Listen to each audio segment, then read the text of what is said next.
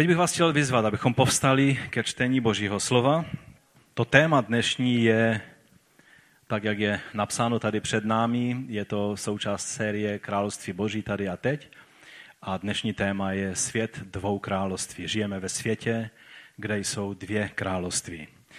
Žálm 93. už jsem četl, eh, už jsme četli u Večeře páně a tak já bych přečetl ještě pár veršů z dalších žálmů, kde kde eh, je jasně vyjádřeno to, komu patří tento svět, komu patří tato země.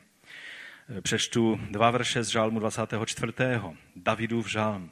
Hospodinu patří země a vše, co je na ní, celý svět a všichni jeho obyvatele. Vždyť on ji založil na vodách, upevnil ji na vodních proudech.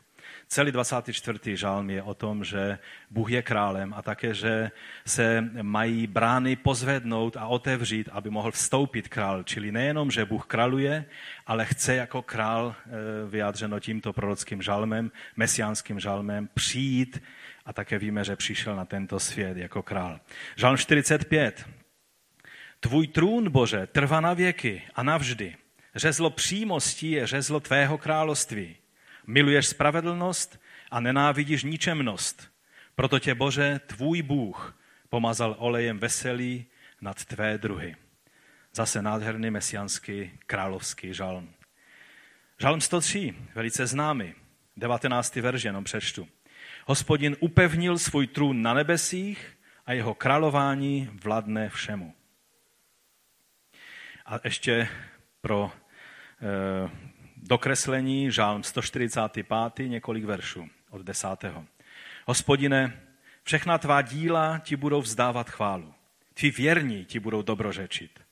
Budou mluvit o slávě tvého království. Budou hovořit o tvé udatnosti, aby seznamovali lidské syny s tvými mocnými činy a se slávou a nádherou tvého království. Tvé království je království všech věků Tvá vláda trvá po všechna pokolení. A teď si přečteme dvě místa o té realitě druhé, která je méně povzbudivá. První list Janův, pátá kapitola, 19. verš. Víme, že jsme z Boha a celý svět leží v tom zlém.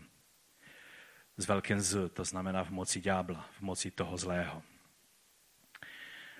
List Korinským, druhý list Korinským, čtvrtá kapitola. Je-li však naše evangelium zahaleno, je zahaleno těm, kteří hynou. Jím nevěřícím Bůh tohoto věku nebo Bůh tohoto světa. To se dá přeložit tímto dvojím způsobem. Bůh tohoto věku oslepil myšlení, aby jim nevzešlo světlo evangelia slávy Krista, jenž je obrazem Božím. Tady je ukázán eh, ďábel jako bůh tohoto věku, tohoto světa. A pak ještě na závěr ovšem je dobré, abychom si řekli eh, tyto verše z Evangelia Jána z 12. kapitoly. Pán Ježíš zvolal, nyní je soud nad tímto světem. Nyní bude vládce tohoto světa vyvržen ven. Příchodem Pána Ježíše se stala tato věc. A z listu, prvního listu Janova, čtvrtá kapitola, čtvrtý verš, verš, který by měl znát snad každý křesťan. Vidítky jste z Boha a přemohli jste je, neboť ten, který je ve vás, je větší než ten, který je ve světě. Pojďme se modlit. Otče náš, který jsi v nebesích, buď posvěceno tvé jméno. Přijď tvé království. Přijď tvé království. Staň se tvá vůle, jak v nebi, tak i na zemi. Pane, my tě o toto prosíme. Ať se tak stane, protože tvé je z království i moc, i sláva. Amen. Můžete se posadit? Kterými figurkami raději hrajete? Černými nebo bílými, pokud hrajete šachy? Černými? Fakt? Bílými? Které vždycky začínají bílá strana začíná? Bílá začíná, že? Já jsem ten obrázek vybral, vybral jako ilustraci toho, o čem dnes budeme mluvit, protože mluvíme o světě, ve kterém žijeme a tento svět je světem dvou království a lépe by bylo možno říct střetem dvou království na tomto světě. Jestli hrajete černými nebo bílými v, šach, v, šach, v, šach, v šachách, nebo jak se to skloňuje, eh, tak eh, je to vlastně jedno, že? Protože vyhraje ten, kdo je lepší hráč. Za kterými těmi figurkami stojí lepší hráč, ten vyhraje.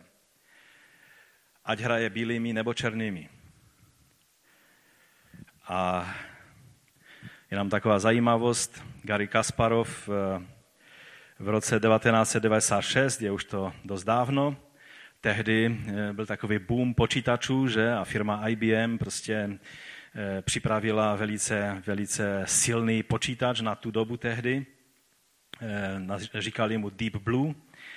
No a, a tak prostě vytvořili program šachový a Gary Kasparov se posadil proti tomuto Deep Blue počítači a vyhrál. No a tak e, cítil se velice dobře, ale za rok e, odborníci z IBM prostě zdvojnásobili výkonnost toho počítače a v roce 97 Gasparov, e, teda Kasparov e, neměl šanci proti tomu počítači, byl drtivě smeten.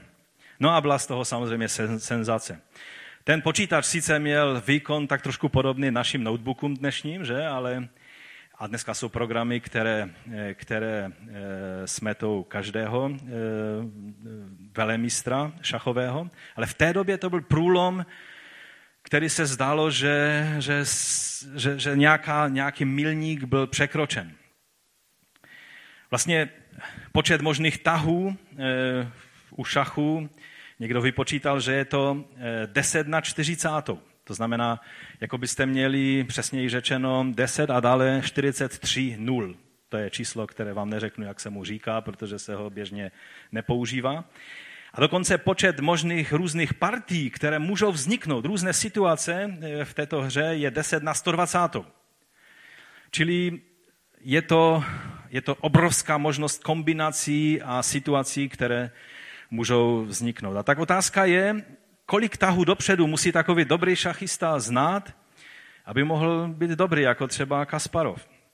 Gary Kasparov jednou sebekriticky o sobě napsal. V roce 99 jsem sice dokázal spatřit vítěznou pozici až na 15 tahů dopředu.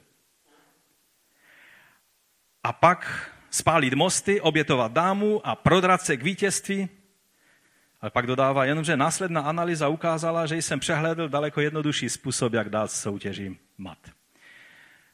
Je to nepřeberné množství tahů. Takhle je to u šachů.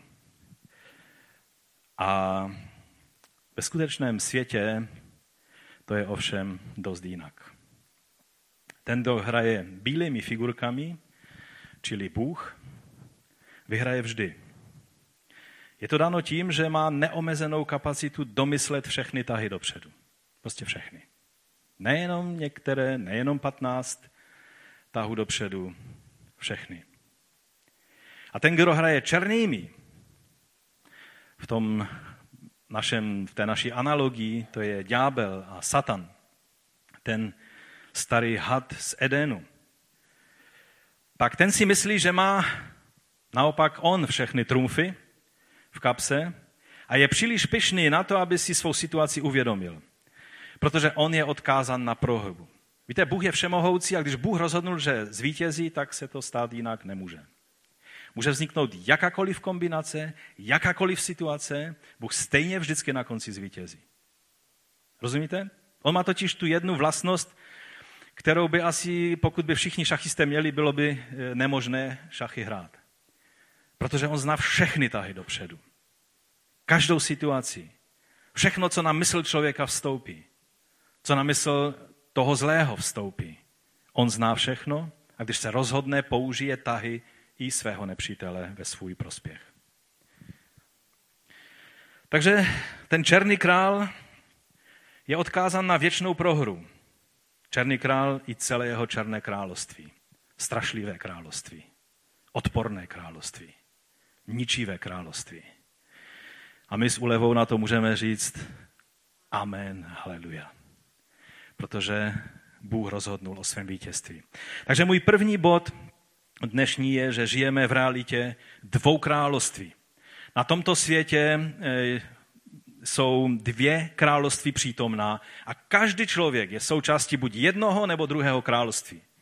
Neutrální půda neexistuje.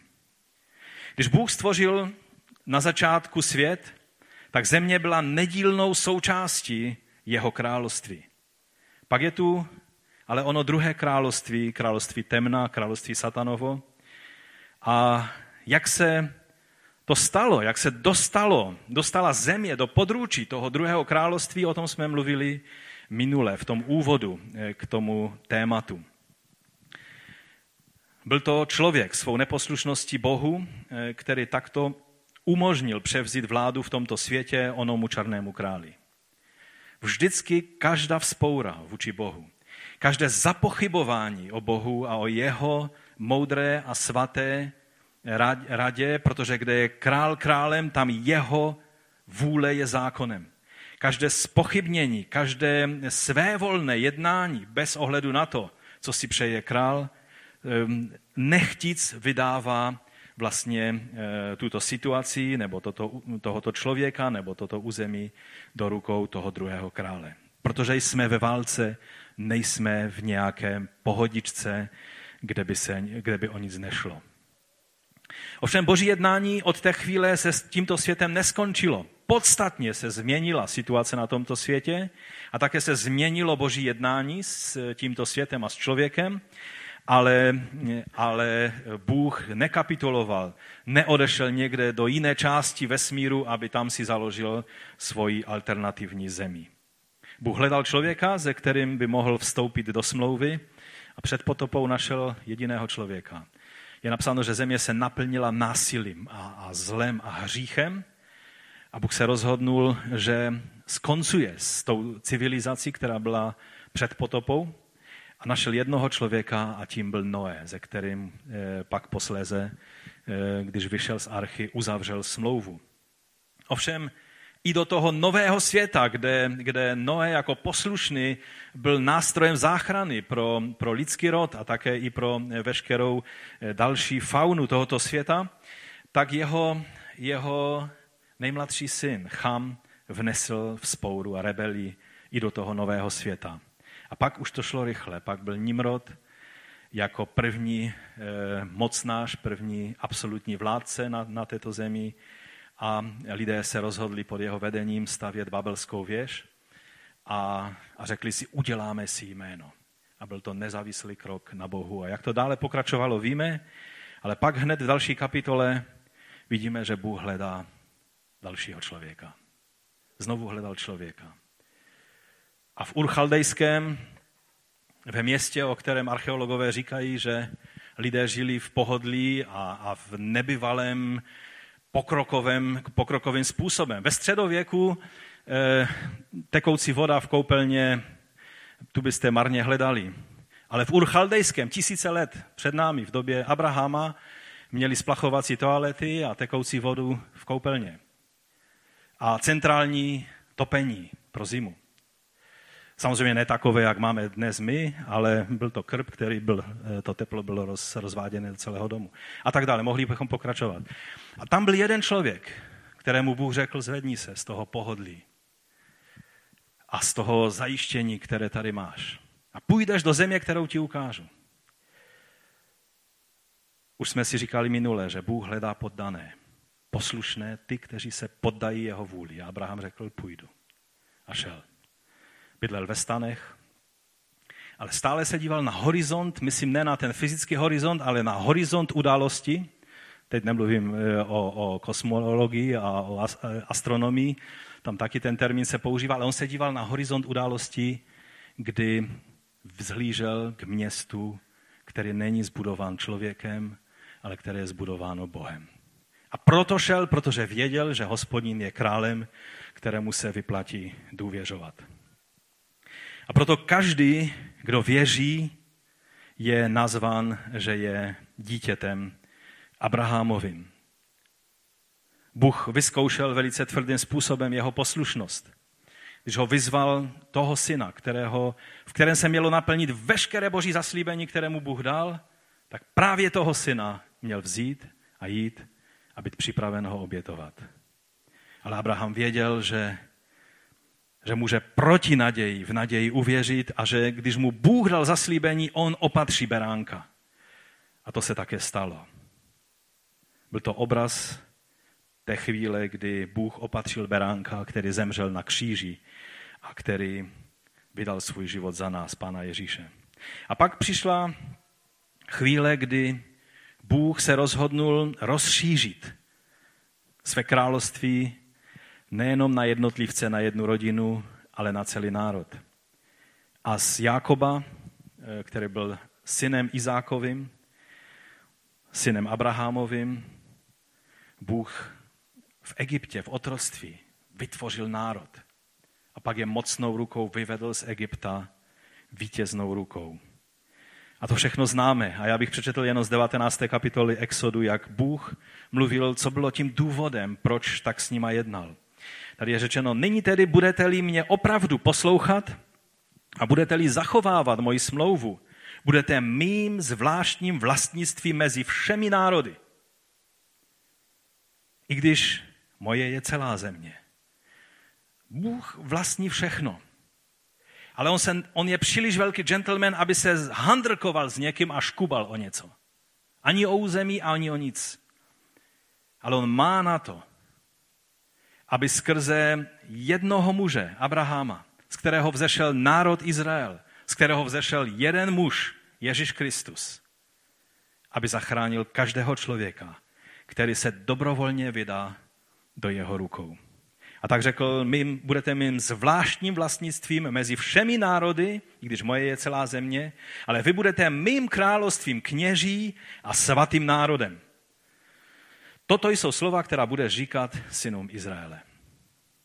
Víte, jsou dva způsoby, jak jako dobrý rodič můžete obdarovat své děti třeba e, bombonierou, že? Máte, já nevím, jestli děti dneska co, co, co dneska děti Já už e, mám dost hodně dospělé děti, takže co mají děti rády dneska? Rychle mi někdo pomožte, rodiče.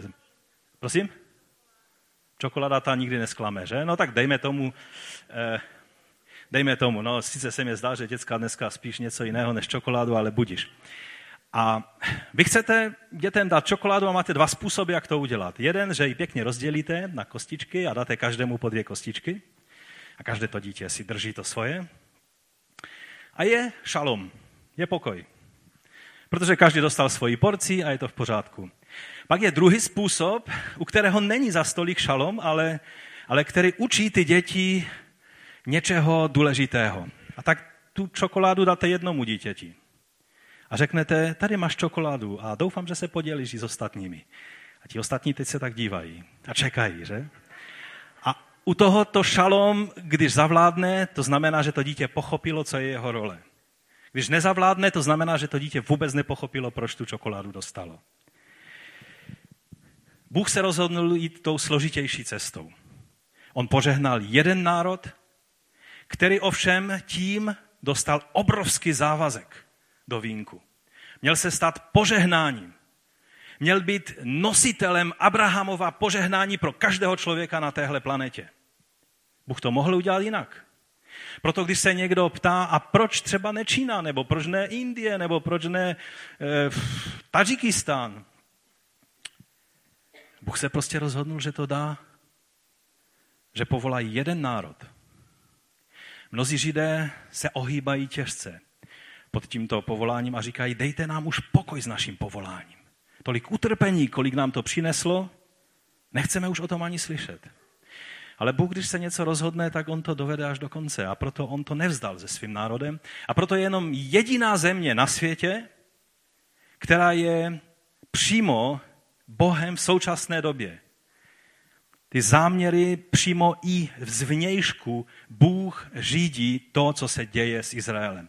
Ostatní země jsou lidskými výtvory, útvary, někdy více, někdy méně šťastnými, ale je jedna země, která zároveň je barometrem, zároveň je znamením prorockým pro nás a proto všechno to, co jsme před chvíli dělali, má smysl, že jsme se modlili za Izrael a tak dále.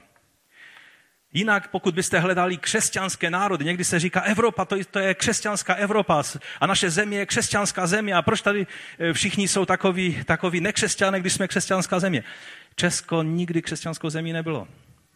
Nikdy. Ani Amerika. I když ji na modlitbě zakládali ti otcové zakladatele, nikdy nebyla křesťanskou zemí. Bylo, byla zemí, která byla velice dobrým místem pro křesťany, aby mohli žít v pokoji a prosperovat. Ale, ale křesťanské eh, země, které by zvnějšku byly ustanovené jako křesťanské, to je způsob, který v Božím království, o tom ještě budeme více mluvit, který v Božím království bude a stane se teprve v příchodem Pána Ježíše a nastolení mesiánského království, kdy království tohoto světa se stanou královstvím Boha a jeho Mesiáše. O čem čteme v knize Zjevení. Pak, když Izrael nechodil božíma cestama, když udělali obrovský humbuk a, a zamotali celou tu věc velice silně, Bůh svá zaslíbení, která dal o tom, že eh, když ti pastýři eh, izraelští nejsou, nebo ti, ti lidští pastýři nejsou těmi, kteří, kterými by měli být, tak Bůh řekl, já sám se chopím díla, já sám budu pastýřem. A já sám budu pást mé ovce. A tím myslel nejenom Izrael, ale i e, potažmo všechny ostatní národy. A byl zaslíben Mesiáš, pomazaný král. A také Mesiáš přišel a narodil se a v něm se naplnila všechna proroctví o tom, že to bude samotný Bůh. Bůh přišli v těle. Slovo se stalo tělem. V něm přebyvala plnost božství tělesně. A on se stal tím dobrým pastýřem. Tak jako prorok Ezechiel mluvil eh, po tom, co, co tam eh, prorok eh, vyčítá těm pastýřům eh, světským, že vlastně pasou sami sebe a že nejsou dobrými pastýři. Říká, já budu pas své ovce a já budu je ukládat, je výrok panovníka hospodina. A mohli bychom se dlouho u toho zdržet, ale já věřím, že to všechno známe. Já chci jenom velice rychle tím projít.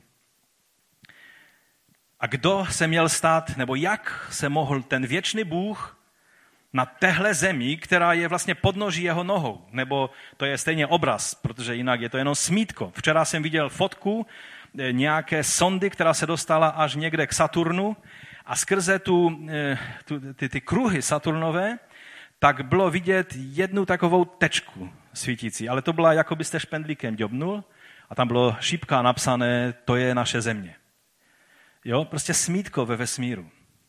To ani ještě není vesmír, to je jenom naše sluneční soustava.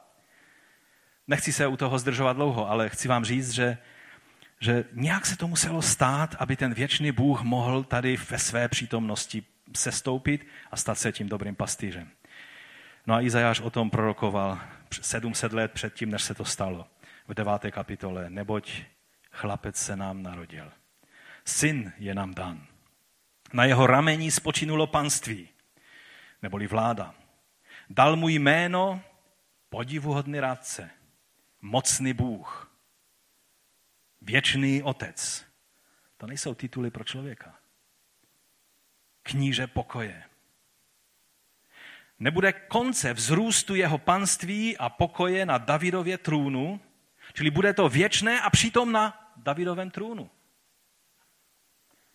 nad jeho královstvím, aby ho mohl upevnit a posilnit v právu a spravedlnosti od nynějška až na věky. Horlivost hospodina zástupu to učiní. A taky, že se to stalo. V momentě příchodu Ježíše, onoho pomazaného krále na tento svět, on byl vyjádřením Božího království. Když Jan mluvil o tom, že se království Boží přiblížilo, tak to znamenalo, že přišel ten, který je vyjádřením tělesným Božího království. To neznamená, že v té chvíli celá země nebyla boží a že v té chvíli zároveň nebylo to druhé království uzurpující si moc toho černého krále, ale v té chvíli vyjádření vnější, fyzické vyjádření Božího království bylo v Mesiáši, v Ježíši Kristu.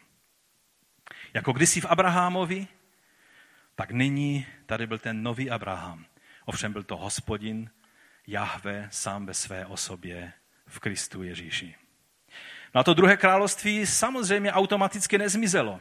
Nebylo to tak, že když přišel Ježíš najednou velký záblesk a už bylo Boží království jenom tady na zemi a to druhé království zmizelo. Ne, naopak. Bůh šel těžší cestou, jako vždy, ale nádhernější cestou. To království Boží se prolomilo. Království tam toho příštího věku. To, co bude ve věčnosti, to, co bude v mesiánském království, se prolomilo do naší časnosti, do našeho světa. To království, které není z tohoto světa, přišlo do tohoto světa jako slabé, jako bezmocné dítě. Tady byl Herodes se všemi svými hrdlořezy a se svojí šílenou psychikou. Když jeho napadlo, že někoho zabije, tak to udělal. Bylo to, byla to třeba jeho vlastní manželka nebo jeho vlastní syn. A, a to bezmocné dítě leželo kde? V nějaké, na nějaké americké základně, kde by ho chránili všechny jednotky nějakých rangerů, nebo... Ne, ne, ne. V chlévě. Protože místa ani v hotelu nebylo pro něj. A Bůh měl na to, aby jeho království bylo vyjádřeno takovýmto způsobem. A Herodes okamžitě se snažil s tím něco udělat a povraždil. Protože násilí je vlastností toho druhého království, nikdy ne Božího království. Násilí, donucování jsou věci, které jsou součástí království tohoto světa. K tomu se ještě za chvilinku dostaneme. Bůh měl na to, aby dovedl až do vítězného konce, i když zase ten vítězný konec vypadal jako absolutní prohra. Golgata vypadala jako absolutní fiasko. A bylo to přitom to největší vítězství. Protože Bůh má na to, on zná všechny tahy a i tahy nepřítele dokáže použít a zužitkovat ve svůj prospěch. Ovšem to druhé království nezmizelo a naopak se postavilo, jak jsem už vlastně ukázal skrze Heroda a další věci, na nelítostný odpor vůči Božímu království, vůči Mesiáši, vůči Ježíši. A když Ježíš začínal veřejnou službu, tak na hoře pokušení se s ním střetnul samotný Satan. Víte, někteří křesťané říkají, dneska mi ďábel nedal pokoje, dneska, dneska mi Satan eh, udělal to a ďábel udělal tamto. Chci vám říct, že trošku si tím příliš fandíme, když říkáme, že ďábel nám to udělal, ďábel nám toto udělal. Mohl to být nějaký 187. pěšec eh, v té ďábelské armádě, ale ďábel není všude přítomný. Víte, zbytečně dáváme ďáblu eh, čest, která mu nepatří. On je prostě anděl. A u Joba je napsáno, že se proháněl tu a tam po celé zemi. On možná lítá rychlostí světla, to je možné, ale je schopen být v jednom okamžiku jenom na jednom místě. Když by byl v tom okamžiku zrovna u tebe, znamená, že všechna jiná místa na celém světě opustil jenom, aby se zabýval tebou, což se tehdy stalo. Při Ježíši. U tebe se to může stát, ale když ráno si nenastavíš budík a pak se ti celý den sype a, a nedaří a šéf ti zebere prémě a, a tak dále, to není, že ďábel si na tebe zasednul a extra přiletěl k tobě, aby tě trápil, ale je to jednoduše, že jsi zapomněl nastavit budík. To byla taková jenom vsuvka. Tehdy ovšem ďábel skutečně přišel, protože věděl, kým Ježíš je. A co mu nabídnul? Kromě těch dalších pokušení mu nabídnul vládu nad celým světem. Je napsáno, že, že mu ukázal, vzal ho na vysokou horu, on vzal Ježíše. Rozumíte, já jsem někdy nad tím přemýšlel, co to znamená, že si přivolal taxika a zavezl ho na tu horu, nebo jak to udělal, že dostal Ježíše na tu horu. Ježíš s ním šel. A na té hoře mu řekl, podívej se na ta všechna království. To bylo nadpřirozené, vidění všech království. Najednou viděl všechno. Všechna království světa. A řekl, to všechno ti dám. To cituji. To všechno ti dám. Podmínka, jestli padneš na zem a pokloníš se mi. Jestli si myslíte, že od království tohoto světa dostanete něco, aniž byste padli na zem a poklonili se principu tohoto světa, pak jste na omilu. Rozumíte? Ježíš mohl dostat všechna království tohoto světa, podmínka, musel by se poklonit tomu, který mu je nabízel, ďáblu. A v té chvíli nás může napadnout, Ježíš ho měl okřiknout. Ta království nepatří tobě, ta, ta patří mně. Ta patří Bohu. A Ježíš to neudělal. Jakoby respektoval to, že člověk vydal království tohoto světa do rukou ďáblu a Ježíš to takhle věděl. Víte, Ježíš nikdy nebral na lehkou váhu ďábla. On věděl, kým on je. A proto on vymítal démony, on neměl ani jeden kompromis s ďáblem, ale nikdy z něho nedělal legraci, nikdy nepředurazňoval nebo naopak nepodceňoval jeho moc. Problém totiž je, co řekl C.S. Lewis, velice moudrou radu, že jsou mnozí lidé, kteří si z jedné strany dějí dělají legraci z těchto věcí a na nějaké démony a takové ty mocnosti nevěří. Myslím si, že synové z Kévy by si už nikdy legraci z těchto věcí nedělali. Pokud nevíte, o čem mluví, najděte si to na Google a zjistíte, co, o čem je řeč. Synové z Kévy. Jo, si zadejte. C.S. Lewis napsal, budu to narychlo překládat. Je, jsou dva zcela rovnocenné a protichudné eh, bludy nebo chyby, které eh, v našem běhu eh, lidé často do kterých padáme ohledně ďábla a jeho démonu. Jedna, jeden ten blud je nevíra v jejich existenci, kdy tak nějak mm, prostě s nima nepočítáme, že existují.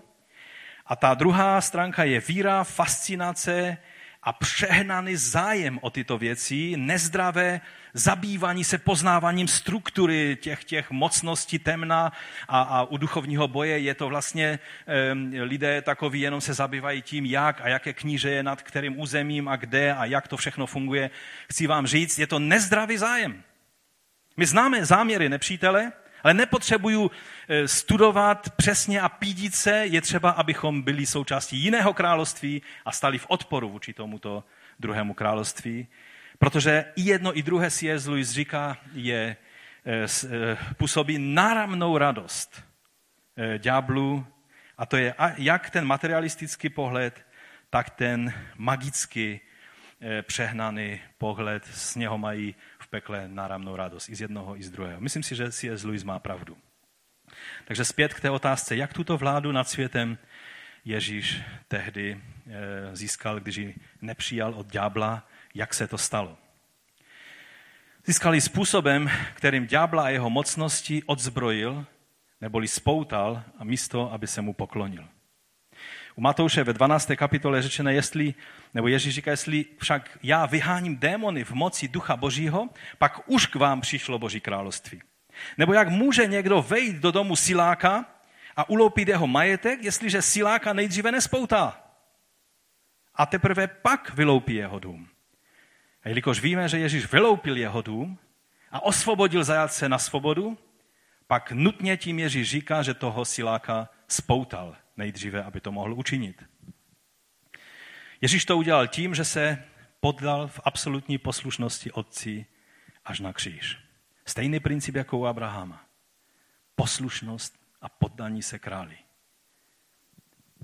Akorát, že u Ježíše to bylo v absolutní dokonalosti. Židům Protože děti mají účast na krvi a těle, podobně i e, on se jich stal účastným, aby skrze smrt zahladil toho, kdo má vládu nad smrtí, totiž ďábla, a osvobodil ty, kteří byli strachem ze smrti drženi po celý život v otroctví. Toto je způsob, jak to Ježíš udělal. Skrze smrt, svojí smrti, odzbrojil toho, který strachem ze smrti vládnul a držel lidi v otroctví. To je princip Božího království. Koloským 1.13. On nás vysvobodil z pravomocí temnoty a přenesl do království syna své lásky.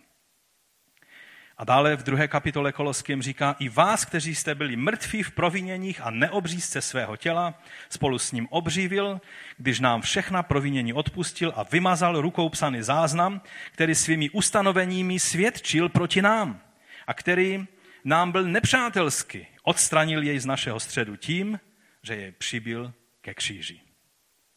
tak odzbrojil, tímto způsobem odzbrojil vlády a autority a veřejně je vystavil na odiv, když je vedl v triumfálním průvodem v něm.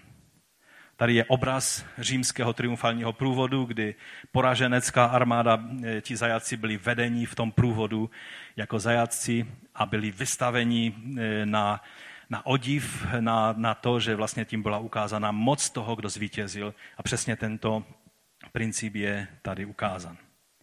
Takže jak to Ježíš dokázal? Golgata. Ježíš, všimněte si, nespoutal toho siláka slovem, ale tím, že byl poslušný až do smrti. Mnozí křesťané svazují démony a ďábla samotného slovem. Bůh, který stvořil celý svět slovem. Zkusme to pochopit. Bůh řekl a stalo se. A, a, a Big Bang vzniknul a celý vesmír se dal do pohybu. Ten, který když řekl slovo, ještě to slovo nevyšlo pořádně z jeho úst a v té vteřině se věci děly. Toho siláka nesvázal slovem, ale tím, že byl poslušný až na smrt svému otci. Zase si zvolil tu těžší cestu. On mohl zničit ďabla v jednom okamžiku božím ohněm. On to neučinil, ale šel těžší cestou. Budeme mluvit někdy příště o tajemství království. Tohle je jedno z těch tajemství, o kterém si říkáme, proč? Proč se ty věci dějou takovýmto způsobem? Ten, který stvořil celý svět pouhým slovem, nesvázal satana slovem, ale šel na kříž. Na zbraň smrti on zemřel a pak vzkříšením tuto zbraň odjistil, neutralizoval. Na zbraň hříchu on se stal hříchem pro nás a pak vzkříšením v bezúhonnosti odsoudil hřích na svém těle a nás z něj vysvobodil. Další zbraň ďáblova je lež. On je otcem lží. Na zbraň lží on byl označen za lháře a podvodníka a pak vzkříšením prokázal světu pravdu. Víte, slovo je laciné. Každý může říct bombastické slovo. Ale Ježíš svá slova prokázal tím, že byl vzkříšen z mrtvých. Byl potvrzen jako ten, který co řekl, tak se skutečně stane. Ježíš svou smrtí svázal satana, aby nemohl vládnout tam, kde je Kristovo království nyní. A to je, kde je Kristovo království nyní. Vnitru každého člověka, který se podřídí králi. Vnitru každého člověka, ve kterém žije duch Kristův. Duch Svatý. V takové situaci ďábel může útočit zvenku a stěžovat nám život. A pokud si někdo myslí, že když se stane křesťanem, tak mu přestaly všechny problémy, a když se naplnění duchem svatým, tak někdo často se mluví o jazycích, že jsou tím znamením eh, toho, že jsme byli pokštěni duchem svatým, že vidíme často ve skutcích se to přesně takhle dělo. Ale David Powson řekl zajímavou věc, to je skvělý eh, učitel biblický z Anglie. On řekl, Nemilným znamením toho, že někdo byl pokřtěn v duchu svatém, je, že mu začne spousta problémů, které předtím neměl. Protože se stává terčem pro toho zlého. Že? A takže dokáže útočit zvenčí na nás, ale jeho moc je omezená, to znamená svazaná. Je jako pes na řetězu. Když je řečeno, že lev chodí jako žvoucí lev, tak on chodí kolem nás a je na nás ovšem, jestli opustíme svoji pozici v Kristu a začneme si pohrávat s tím, který nám je schopen velice těžce ublížit, ale pokud zůstáváme na bezpečné půdě, v té skryši Kristově, pak on, jeho moc je svázaná. Je jako, jako pes, který, když je třeba nějaký nebezpečný, ne náš Freddy, který by v životě nikomu neublížil, ale nějaký nebezpečný pes, který, když je na řetězu, tak když stojím půl metru od něho a ten řetěz ho dál nepustí, jsem v pohodě. A když si řeknu a, jako, a vstoupím do jeho rajonu, co se stane? Myslím, že zbytek znáte. A budete potřebovat lékaře. V lepším případě.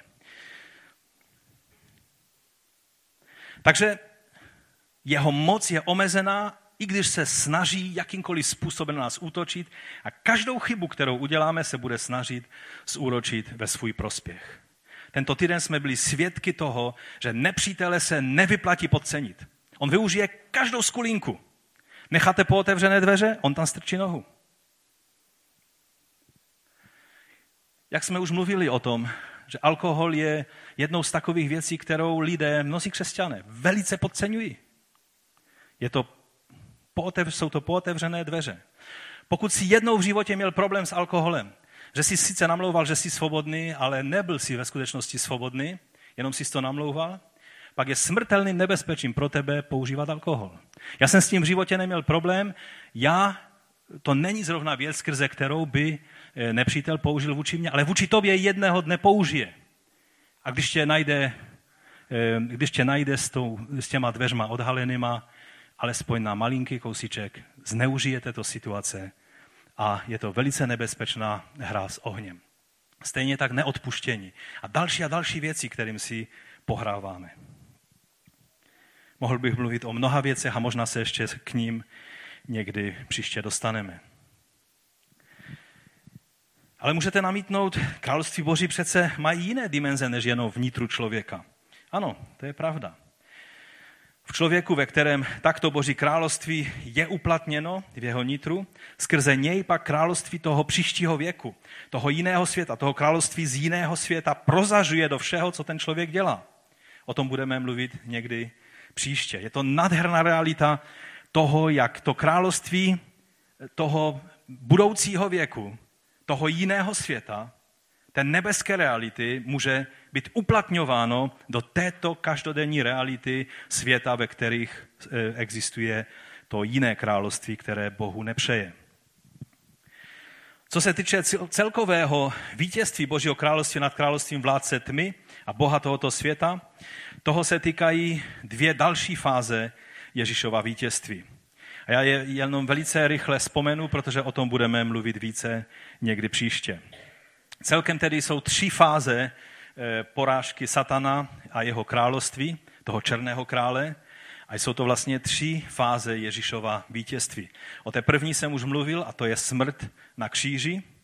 Pak eh, tím byl spoután Eh, co se týče všech lidí, kteří se podřídí Kristu. Samozřejmě ve zbytku světa, který není podřízen Kristu, ďábel eh, není svázan, protože eh, tam stále má ještě svobodu, jsou tito lidé a tyto realia jsou pod jeho vládou. Následně je napsáno, že bude spoután a uvržen do jámy nebo do vězení v den páně. V den příchodu pána Ježíše. V den jeho druhého příchodu a nastolením tisíciletého království, neboli milénia. V 20. kapitole, na začátku 20. kapitoly zjevení čteme a uviděl jsem, jak z nebe se stupuje anděl, který měl klíč od bezedné propasti a ve své ruce veliký řetěz. Zmocnil se draka, samozřejmě mluvíme tady apokalyptickým, prorockým jazykem, takže někdy příště si o tom eh, řekneme trošku víc jak tomu rozumět. Zmocnil se draka, což je, což je ten černý král, že? což je Satan, toho dávného hada, jenž je ďábel a Satan, a na tisíc let jej spoutal a uvrhl do bezedné propasti. A zamkl a zapečetil ji nad ním, aby již nesváděl národy, dokud se nedovrší těch tisíc let. A potom musí být ještě na krátký čas rozvázan.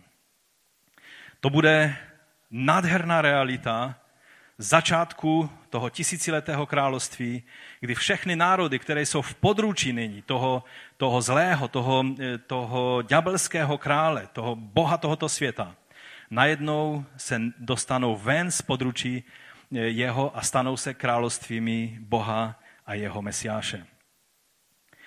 A nakonec po mesiánské tisícileté vládě, a je třeba, abychom se nad tím zamysleli, proč bude spoután, eh, nebo bude nakrátko propuštěn, tak jak říká sedmý verš, až se těch tisíc let dovrší, Satan bude propuštěn ze svého vězení, vyjde, aby svedl národy, které jsou ve všech čtyřech uhlech země, Goga i Magoga a zhromaždí je k boji a bude jich jako písku v moři, vystoupili na šiži země, obklíčili ležení svatých a milované město, ale sestoupil oheň z nebe a pohltil je.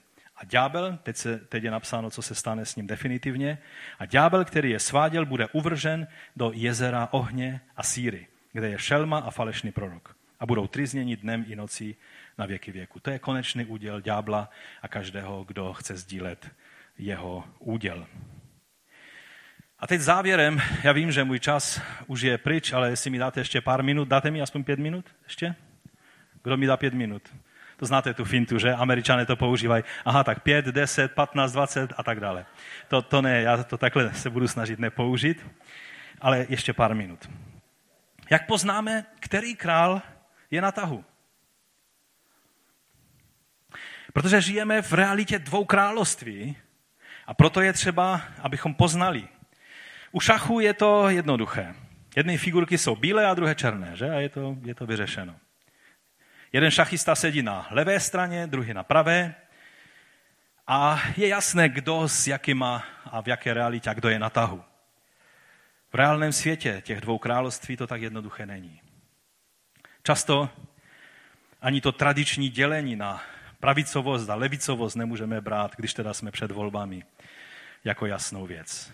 Ty věci jsou mnohem složitější, než abychom je dokázali takhle dělit na černé a bílé v tomto světě. Hraniční linie nejsou jasně dané oficiálními strukturami, už vůbec ne státu. Nejsou křesťanské státy a nekřesťanské státy. Jsou naopak muslimské státy, které, eh, protože islám není náboženství, ale je to společenský systém. Je to systém, který je nařizovaný z vnějšku eh, zákony, které jsou islamskými zákony šaria. Ale to boží království eh, se řídí úplně jinými pravidly. A často nejsou eh, ty, ty dělící linie ani nevedou po hranicích různých církví a denominací. Je to tak? Když byste chtěli o tom víc povykládat, přijďte za mnou. Nebo církevními úřady. Ve stejné denominaci můžou být služebníci království božího, ale také lidé, kteří slouží tomu druhému království. Vzpomeňte si na Petra. Vydal úžasné eh, vyjádření toho, kdo je mesiášem, kdo je králem a kým je syn boží o Ježíši. A hned v zapěti dal poslech emisářům toho druhého království. Takhle ta dělící čára je složitá ji nějakým způsobem vymezit. Víte, Rozdíl je podobný, jako to bylo kdysi v historii, třeba za doby napoleonských válek. Chtěl jsem vám to trošku víc popsat, ale možná to znáte, eh, možná jste viděli nějaké dobové, dobové uniformy, byly velice pestré, barevné, aby bylo jasně poznat, kdo je pruský voják, kdo je ruský voják, kdo je napoleonský voják, kdo je naopak Wellingtonův britský voják. Ti měli, myslím, červené uniformy, že? A, a bylo z kilometra vidět, komu ten daný voják Eh, patří. Bylo to z toho důvodu samozřejmě, aby v tom byl přehled, aby se vědělo, koho, koho zabíjet a koho nezabíjet. Dnes naopak žijeme v době, kdy od první světové války vlastně vojáci začali používat velice nenápadné uniformy, aby splynuli s terénem a tak dále. Ale dnes se to posunulo do ještě jiné roviny. Dnes se mluví o válce třetího tisíciletí jako o válce, kde nepřítel je těkavý, Neexistuje nějaký konkrétní stát. Teď se vytvořil islámský stát, ale chci vám říct, to je jenom jedno z viditelných chápadel neviditelného nepřítele, který je po celém světě. Džihadisté, když bychom jenom o nich mluvili, jsou po celém světě, i v České republice. A e, ten boj proti, který byl nazvan boj proti teroru, většinou boj byl proti konkrétnímu Eh, nějaké armádě, králi, vůdci států a tady je boj proti věci, proti postoji, protože terorismus je spíš to, když eh, lidé dělají pokud nějaké věci a je to spíš postoj než konkrétní člověk. Ale to jenom vyjadřuje tu problematičnost nazvat toho nepřítele. Takhle přesně je to i v tom duchovním království, kdy, eh, ale bylo to tak vždy. Nikdy ta dělicí čára nebyla jasně dána. Proto nám Boží slovo radí, abychom netrhali koukol, protože u každého trhání koukole bychom vytrhali i nějakou tu pšenici, protože ta dělicí čára nejde. Ten nepřítel se schovává mezi civilisty, že? Jako, jako bojovníci Hamasu. A dokonce i oni vypadají jako civilisté, když je pak zabijou, tak je pěkně nalinkujou, vyfotí a řeknou, podívejte, jako ve farmáře nám zabili. To, že to byli bojovníci Hamasu, to samozřejmě nikdo nepozná, že? Někdy ovšem i dnes je to docela jednoduché poznat, na které straně jsme, nebo kde, kudy vede ta, ta dělící čára. Ale je to spíš eh, jenom v některých věcech. A v takových pak platí téměř pravidlo protikladu. Když pán Ježíš kázal o božím království, tak většinou mluvil úplný opak toho, co je běžné v tomto světě. A tím vlastně šokoval své posluchače, protože to, co bylo běžné v království tohoto světa, najednou Ježíš to řekl úplně opačně. Ne, že jsou šťastní ti, kteří jsou bohatí a úspěšní, ale šťastní jsou ti, kteří jsou pronásledovaní, chudí duchem a kteří mají prostě problémy. A, a říká, a vy máte kliku, vy jste šťastní. To pochopí jenom ten, kdo zažil Boží království. Ale ta protichudnost lze, tu protichudnost lze vidět třeba srovnání islámu a Božího království, protože islám, když něco zdůrazňuje, pak je to spíše z ducha antikrista, a to ne, že bych byl zaujatý proti islámu, ale protože písmo mi to takhle ukazuje, a ne z Božího ducha. Pokud si třeba eh, nejsme jistí, zda snaha za každou cenu přelstit či donutit lidi k přijetí Krista, jestli je to správný princip, jestli je to na nás, abychom to dělali. Vzpomeňte si kázání o tom, že jsme svědky a že roli svědka není přesvědčit soud, ale podat věrné svědectví. Tak když by někdo by s tím zápasil a chápal a snažil se pochopit, jak to vlastně je a co je správné, pak se stačí podívat na islámské násilné donucování k přijetí islámu, které bylo od 7. století až do dnes.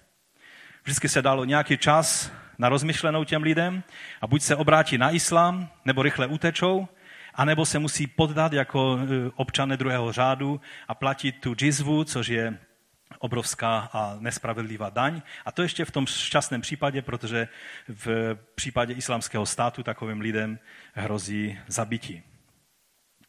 A když se podíváme na to, tak hned nám je jasno, jestli donucování k víře je princip krále toho božího království, toho bílého, anebo toho opačného krále tohoto světa.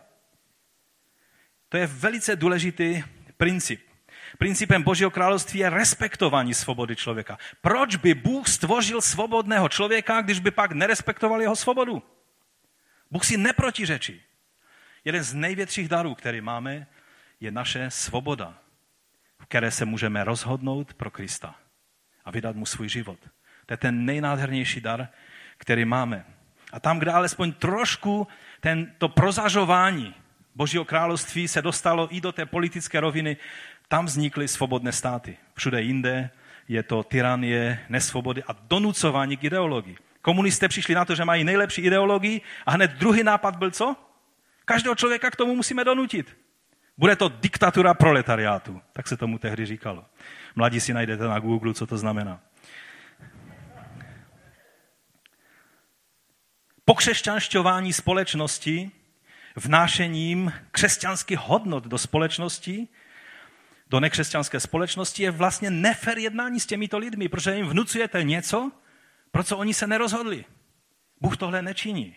To je princip islámu, šaria, zákony, které jsou takovým prostě nenápadným způsobem vtlačovány do, do evropského zákonodárství a, a, a najednou se ocitnete v prostoru a v Anglii, a tady jsou Ostruškovi s námi, tak je zdravíme dneska, v Anglii situace začíná být mnohem svízelnější, než je třeba ještě u nás. Protože jsou celé oblasti v některých městech, které najednou se ocitly v tom, že je tam uplatňován zákon šaria a že chodí třeba náboženská policie, i když není nikým jmenována, po ulicích a napomíná lidi, že nejsou správně oblečení podle islámu. No a jsme u třeba dalšího principu, u kterého křesťané můžou váhat, že? Ještě já si pamatuju, jak za našeho mládí vyjádřeno správné zbožno, vyjádření správné zbožnosti u ženy bylo zahalením šátk, eh, nějakým, nějakým šátkem na hlavě. A to, to znamená důraz na vnější vyjádření své víry oblečením.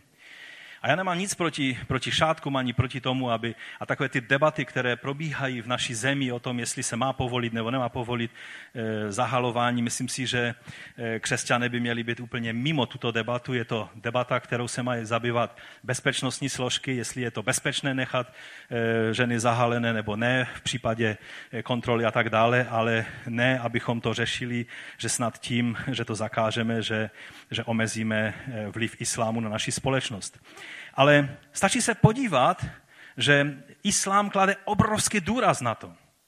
V Afganistánu si vzpomínám, jak mi někteří lidé říkali, když tam vládnul Taliban, takže když ho chytli na ulici, změřili mu, jak dlouhého má kníra a jak dlouho má bradu. A ten jeden to byl nějaký prostě tadžik, kterému nerostly, nerostla brada, prostě jenom pár takových chlupů tady měl na bradě a po každého zmlátili, že nemá dostatečnou bradu. Knír mu nerostl vůbec a oni ho prostě zbyli za to. Rozumíte, náboženství tohoto světa, království tohoto světa dělá takovéhle věci. Království Boží toto nedělá. Jednoduchým přirovnáním můžeme poznat, kudy má cesta vede.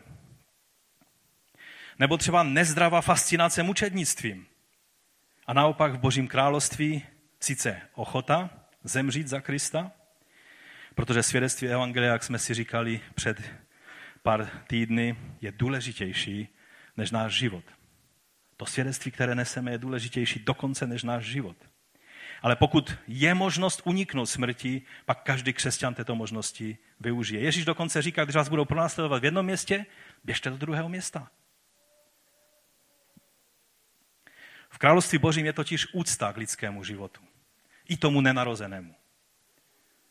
Kdežto u království tohoto světa je absolutní pohrdání životem člověka. V království božím je laskavost a ne krutost. Laskavost dokonce i k nepříteli. Mohl bych pokračovat dál, samozřejmě je, těch příkladů je spousta, můžete na skupinkách více e, o tom e, rozhovořit. Abych nemluvil jen o islámu, tak také třeba sekulární humanismus je takový příklad království tohoto světa. A e, je taky někdy velice lehké poznat, z které strany vítr věje. Třeba když je zde nezdravá fascinace všelijakými úchylkami, pak tady máme princip Božího království, je naopak respektování stvořeného řádu odlišnosti mezi pohlavími. Tento svět se fascinuje každou úchylkou, každou zvláštností, kdežto Boží království je úcta k tomu, kdo stvořil tento řád. Je to respektování třeba role muže a ženy. Ale kdyby se do toho začala vnášet, začalo vnášet nějaké povyšování se mužů nad ženami, což je velice časté, ale taky žen nad muži, což je taky časté, tak eh, království boží toto nikdy nevytváří, nevypůsobuje. Protože Bible říká, že se máme, my máme být poddaní jedni druhým. Je tady láska muže eh, k ženě, je tady přijímání a úcta ženy k muži a v tom je nádherná harmonie. V islámu, když žena projde před modlícím se mužem, tak mu zruší jeho modlitbu. Stejně tak třeba pes, když to udělá. Je to úplně jiný princip. Je to princip tohoto království, ale to je ta jednoduchá dělící čára. To jsou ty věci, které jsou jednoduché. Někdy příště budeme mluvit o složitějších věcech, protože často je to mnohem složitější. Kníže Temna je nazván, že se převléká za a vydává za anděla světla. Někdy přicházejí vlci oblečení do ovčí kůže. Někdy lidé hlásají Ježíše, ale je to jiný Ježíš a jiné evangelium a jiné hodnoty než ty, které jsou v království nebeském. A dnes už nemám čas, aby o těchto věcech mluvil. Ale příště, dali pán, tak budeme o těchto věcech mluvit. Povstaňte k modlitbě. Závěrem bych nás chtěl vyzvat, abychom si byli vědomi toho, že v tomto světě působí současně dvě království. Neexistuje neutrální půda. Buď je někdo součástí Božího království, nebo je součástí království tohoto světa. Nevyplatí se podceňovat tuto realitu. Pane, já tě prosím za každého bratra a sestru, abys nám dal milost, abychom vždy měli ucho otevřené na tebe, tvého ducha, tvé slovo, a abychom rozeznali, co je od tebe, a abychom se oddělili od toho, co je eh, z principu a živlů tohoto světa, co je podle, podle eh, myšlení Boha tohoto světa, kníže té temnosti. My se klademe do tvých rukou a tebe prosíme, abys nás obdařil duchem svatým, duchem rozeznání a moudrosti, abychom mohli chodit v tomto světě v realitě dvou království, ale abychom sloužili pouze tomu jednému jedinému, a to je tobě, náš králi. Chválíme tě a vyvyšujeme. Amen.